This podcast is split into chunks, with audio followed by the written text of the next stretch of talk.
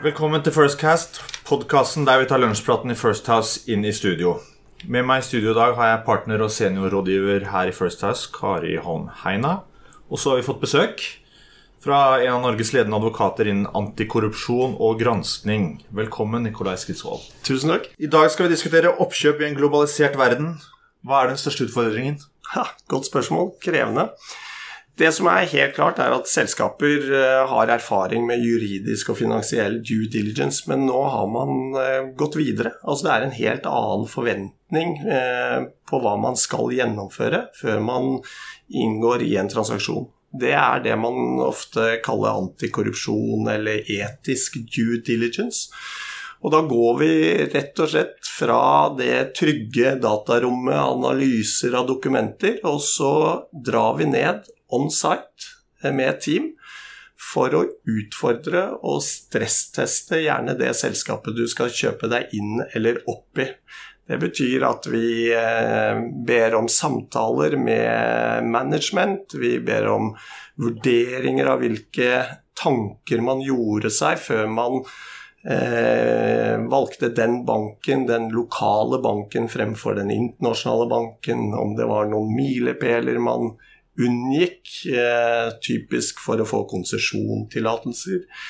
Eh, hvor eh, mye bruk av agenter eller konsulenter eller advokater har man eh, brukt sånn tidligere i selskapets historie? Det er en kjensgjerning at i en del land så brukes agenter aktivt, og mange steder må du gjøre det. Men da er det veldig viktig å se hvorfor valgte du den agenten og ikke noen andre.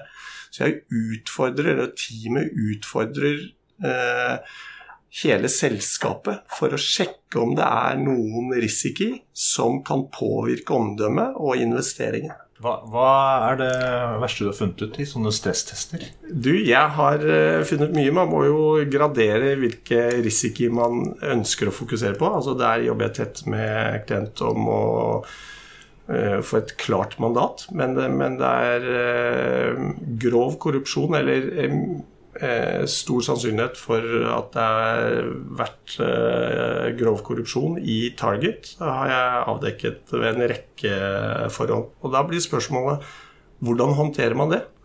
Ønsker man å eh, gjøre investeringen? Ønsker man å rydde opp i forkant av gjennomføring av eh, investeringen, eller tar du investeringen og rydder opp i etterkant?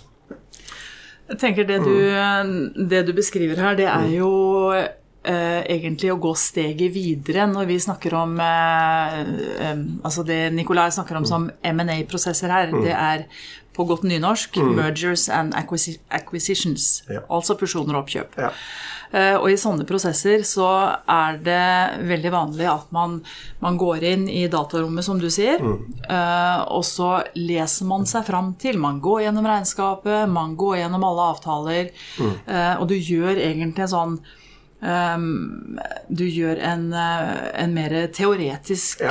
gjennomgang, ja. egentlig. Og det ja. du beskriver, det er jo at dere drar ned og tar virksomheten på pulsen, uh, gjør dere kjent med lokale forhold, og på den måten så tar dere ned både prosessrisikoen og risikoen for den som tenker på å investere. Ja, det er helt riktig, Kari. Og det vi også registrerer, er at der vi bistår kjøper, så eh, vil det kunne resultere i andre garantiordninger. Det kan være at du avslutter en del avtaler. Det kan også være at targetpris blir redusert, fordi du avdekker såpass mange risiko at uh, man, man, ser at ja, man er keen på å gjennomføre transaksjonen, men ikke til den prisen.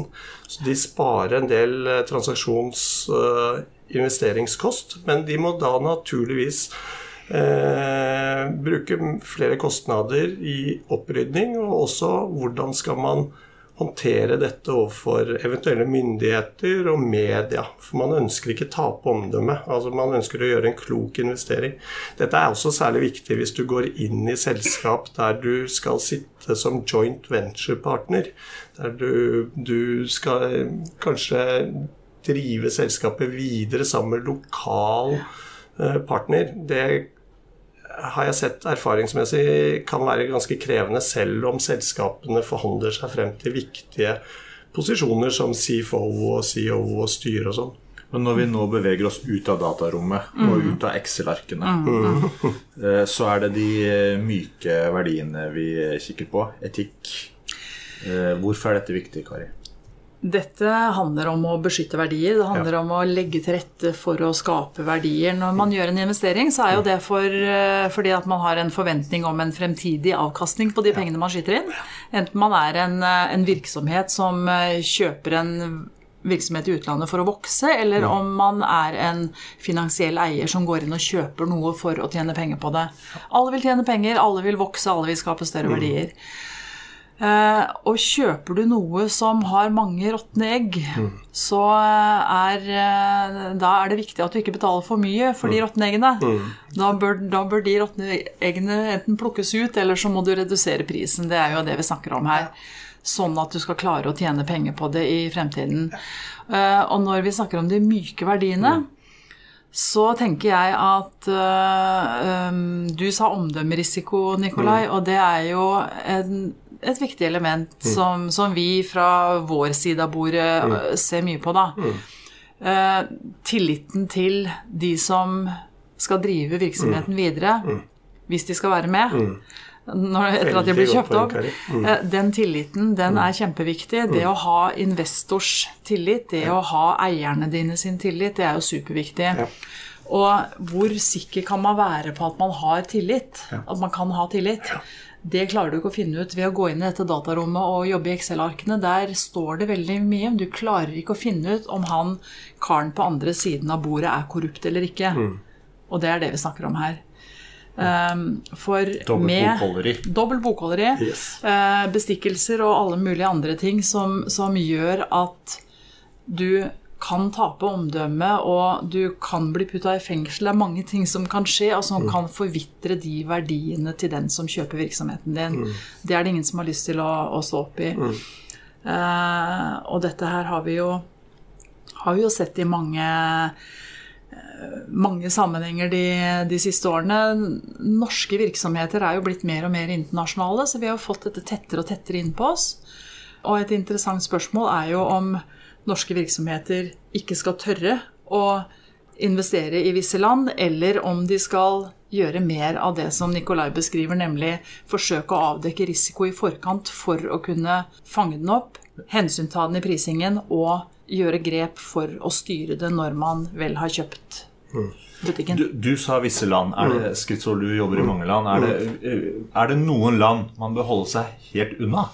Godt spørsmål. Jeg liker veldig godt det Kari nevner nå. Jeg er jo av den oppfatning at dette må jo ses i et større perspektiv. Det har noe med samfunnsutvikling og samfunnsansvar å gjøre.